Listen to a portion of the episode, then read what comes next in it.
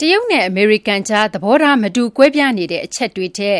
တာဝန်ယူမှု တာဝန်ခံမှုရှိတဲ့ ကမ္ဘာ့အင်အားကြီးသူအဖြစ် ရာသီဥတု ပြောင်းလဲမှုအရေး နောက် COVID-19 ကပ်ဘေးရောဂါ အရေးတို့လို ခက်ခဲတဲ့ ကမ္ဘာ့အရေးကိစ္စတွေမှာ အမေရိကန်နဲ့အတူ ပူးတွဲဆောင်ရွက်ဖို့ အမေရိကန် အကြီးတန်းသံတမန်က တိုက်တွန်းပါတယ်။တရုတ်နိုင်ငံခြားရေးဝန်ကြီး Wang Yi ၊နောက်ဒုတိယနိုင်ငံခြားရေးဝန်ကြီး Xie Feng တို့နဲ့ တရုတ်နိုင်ငံ Tianjin မြို့မှာတနင်္လာနေ့ကတွေ့ဆုံဆွေးနွေးပြီးနောက် အမေရိကန်ဒုတိယနိုင်ငံခြားရေးဝန်ကြီး Wendy Sherman က AP သတင်းအေဂျင်စီနဲ့မေးမြန်းမှုမှာ အခုလို ပြောဆိုတာ ဖြစ်ပါတယ်။ အမေရိကန်ပြည်ထောင်စုအနေနဲ့ တရုတ်နဲ့ စီးပွားရေးယှဉ်ပြိုင်မှုကို ကြိုဆိုကြောင်း ဒါပေမယ့် ပဋိပက္ခအဖြစ်မျိုးကိုတော့ မလိုလားကြောင်း အမေရိကန် ဒုတိယနိုင်ငံခြားရေးဝန်ကြီးက ပြောပါတယ်။လူ့အခွင့်အရေးကိစ္စကနေ တရုတ်ရဲ့ ပိုင်နက်ဆိုင်ရာ ရည်မှန်းချက်တွေအပေါ် အမေရိကန်ရဲ့ ဝေဖန်မှုကို တရုတ်က တင်းတင်းမာမာ ဖြစ်နေပြီး အမေရိကန်ဘက်က တရုတ်ရဲ့ ဖွံ့ဖြိုးမှုတွေကို နှိပ်ကွပ်နေတဲ့ တဖက်မှာ တရုတ်နဲ့ ပူးပေါင်းဆောင်ရွက်မှုကို ရနိုင်မှာ မဟုတ်ဘူးလို့ တရုတ်က အကြိမ်ကြိမ် ပြောဆိုနေတာ ဖြစ်ပါတယ်။အမေရိကန် ဒုတိယနိုင်ငံခြားရေးဝန်ကြီး Sherman ကတော့